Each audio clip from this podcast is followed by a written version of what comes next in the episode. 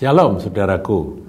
Kita akan melanjutkan apa yang kemarin kita sudah bahas, yaitu kalau kemarin kita sudah berbicara tentang apa hubungan akan bait Allah dengan berhala, maka sekarang kita lihat 2 Korintus pasal 7 ayat yang pertama. Satu ayat saja, saudara. Dikatakan demikian.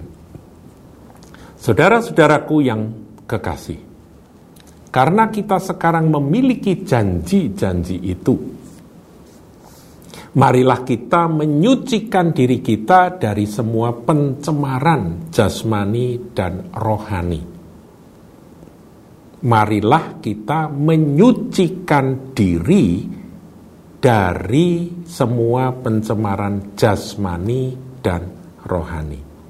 Dan dengan demikian menyempurnakan kekudusan kita dalam takut akan Allah. Nah ini poin-poin ini coba kita dalami saudaraku. Pertama, kita ini adalah pemilik atau pemegang janji-janji tersebut. Janji apa? Yaitu janji bahwa aku, kata Tuhan, akan menjadi Bapamu. Yaitu ada di ayat 18 ya. Jadi pasal 6 ayat 18. Aku akan menjadi bapamu dan kamu akan menjadi anak-anakku laki-laki dan anak-anakku perempuan. Demikian firman Tuhan yang maha kuasa. Nah, kemudian dijelaskan lebih lanjut, lebih dalam oleh Rasul Paulus.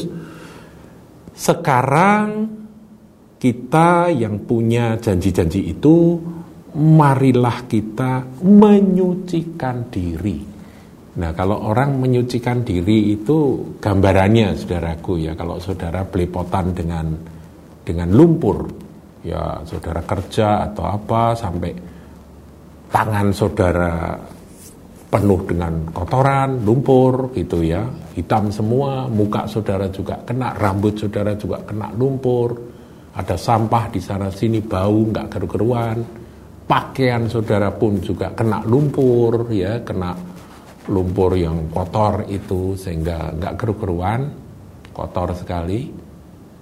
Kalau dikatakan marilah kita menyucikan diri kita, maka apa yang harus Anda lakukan?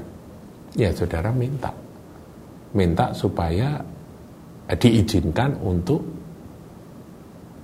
dicuci, saudaraku ya.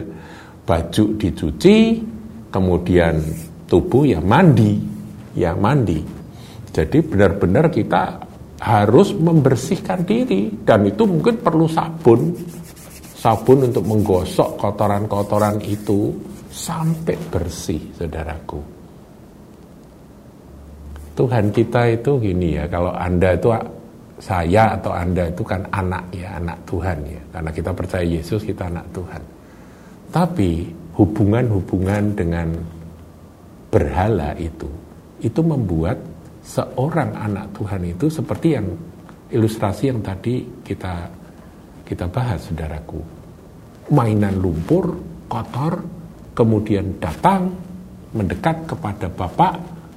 Bapak minta dipeluk. Ya bapaknya berkata eh jangan nak. Jangan dekat-dekat nggak mau. Karena apa? Karena Allah kita suci kudus. Kalau kita datang kepada dia ayo kita menyucikan diri datang kepada Tuhan.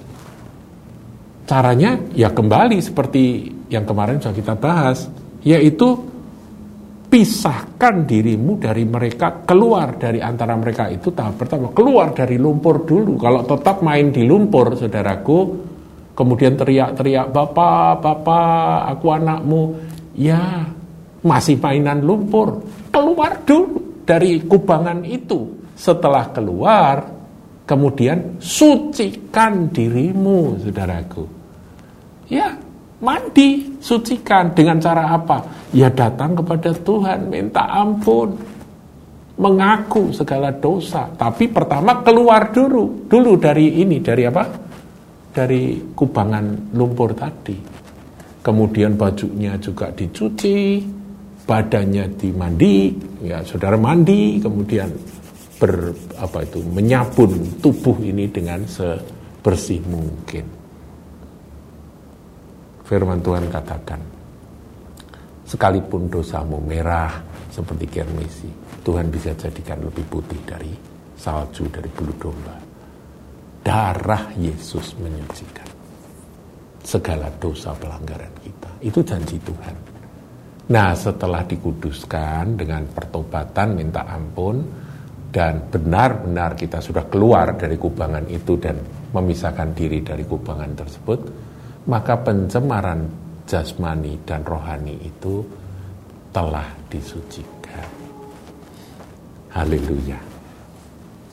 Nah, kemudian kalimat berikut dan dengan demikian menyempurnakan kekudusan kita dalam takut akan Allah. Jadi sebetulnya kekudusan kita itu harus terjaga oleh hati yang takut akan Allah.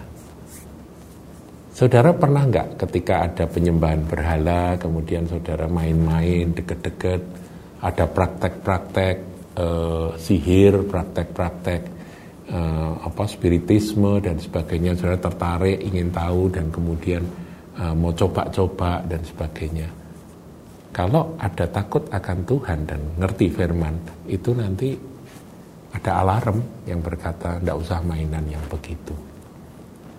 Bahkan ada rasa rasa apa ya rasa jijik gitu untuk mendekat. Sebab itu seperti lumpur tadi saudaraku. Penyembahan berhala spiritisme, sihir, ilmu-ilmu gelap, semua saudaraku, kita harus tinggalkan.